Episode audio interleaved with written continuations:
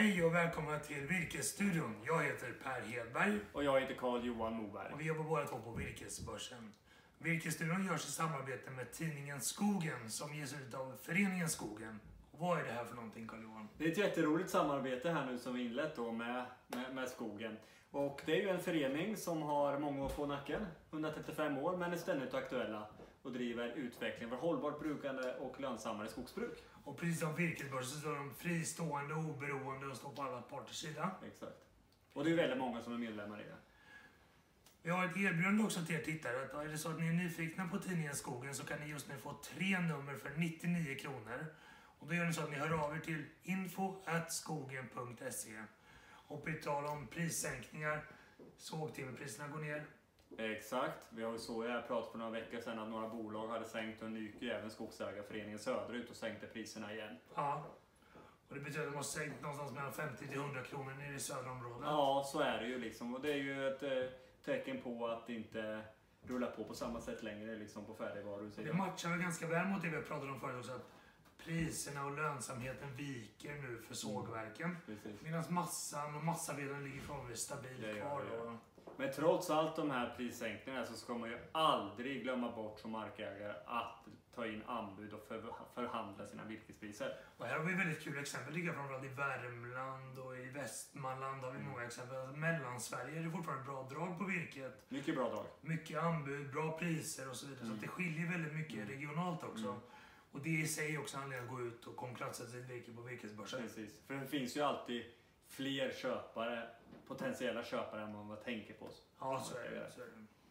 Du, sommaren står för dörren och nu är det dags för skogsmässor, både Elmia och Nolia. Exakt. Vi kommer vara där, tidningen Skogen och föreningen Skogen kommer vara där. Är det något speciellt som du ser fram emot? Ja, men det ska bli jätteroligt då för att nuvarande marknadsplats av virkesbörsen lanserades då till, till Elmia Wood som var 2017. Nu är vi alltså tillbaka två år senare liksom och vi har ju satt ett avtryck på marknaden. Det ska bli jätteroligt att komma dit och träffa alla skogsägare som använder oss eller funderar på att använda oss och samtidigt träffa de köparorganisationer som är där också. Så det är jättebra tillfälle om man är på plats på antingen Elmia eller Nolia så kom förbi oss och ställ era frågor om virkesbörsen.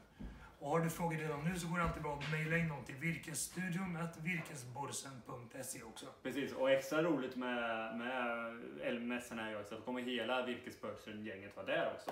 Då är det inte bara dig och mig de kommer att se. Nej, precis. Det är man förmodligen lite less på kanske vid det här laget också. Kan vara så. Kan Men då kommer alla våra kollegor vara där. Du, på skogens hemsida skogen.se kan man hålla sig lite uppdaterad om nyheter och så vidare. Mm. Och i veckan så kunde vi läsa om fjärrmätning av virke. Mm. Så virkesmätning håller också på att digitaliseras och effektiviseras. Mm. Och det här är väldigt spännande. Och hur råder du skogsägare som, som, hur ska man använda sig av den data får från inmätningen av virket? Alltså inmätningen det blir egentligen facit på hur mycket volym var det i min skog. Ja, Så det där är jätteintressant att titta på och jämföra då med en skogsbruksplan till exempel. Är det så att det diffar väldigt mycket, då bör man ju liksom ta sig en titt på sin skogsbruksplan. Är den här rätt? För då bör man kanske göra en volymsuppskattning i de här bestånden som framförallt ska komma avverkas om ett par år och här är det så intressant att kunna jämföra det som står i skogsbruksplanen, det som står i kontraktet, det man får ut från skördarmätningen och sen då det slutgiltiga, det som faller ut vid industrin. Mm. Kunna följa vart finns det Exakt, potentiella exakt. felkällor, vad behöver jag uppdatera och jobba med och så vidare. Och det, är- jag, jag tycker ju, det är roligt att grotta ner sig i sådana här saker, men just att skördarrapporten och skotarrapporterna, de är ju intressanta att titta på. Liksom. Verkligen. Och även kunna se då hur produktiviteten är per timme och sådana saker, hur fort det går att köra. Och det är jättebra data för att ha sen när man även förhandlar priser för avverkningskostnader och sådana Ja men verkligen. Och eftersom man är lite nyfiken på hur man kan följa de här kostnaderna och följa sitt virkeflöde så kan man gärna höra av sig till oss på virkesbörsen så hjälper vi till med det när man säljer sitt virke på virkesbörsen också. Mm. Det här var Virkesstudion. Tack för idag. Vi görs i samarbete med tidningen Skogen. Vi ses förhoppningsvis på Elmia och Nolia i sommar. Precis. Hej då!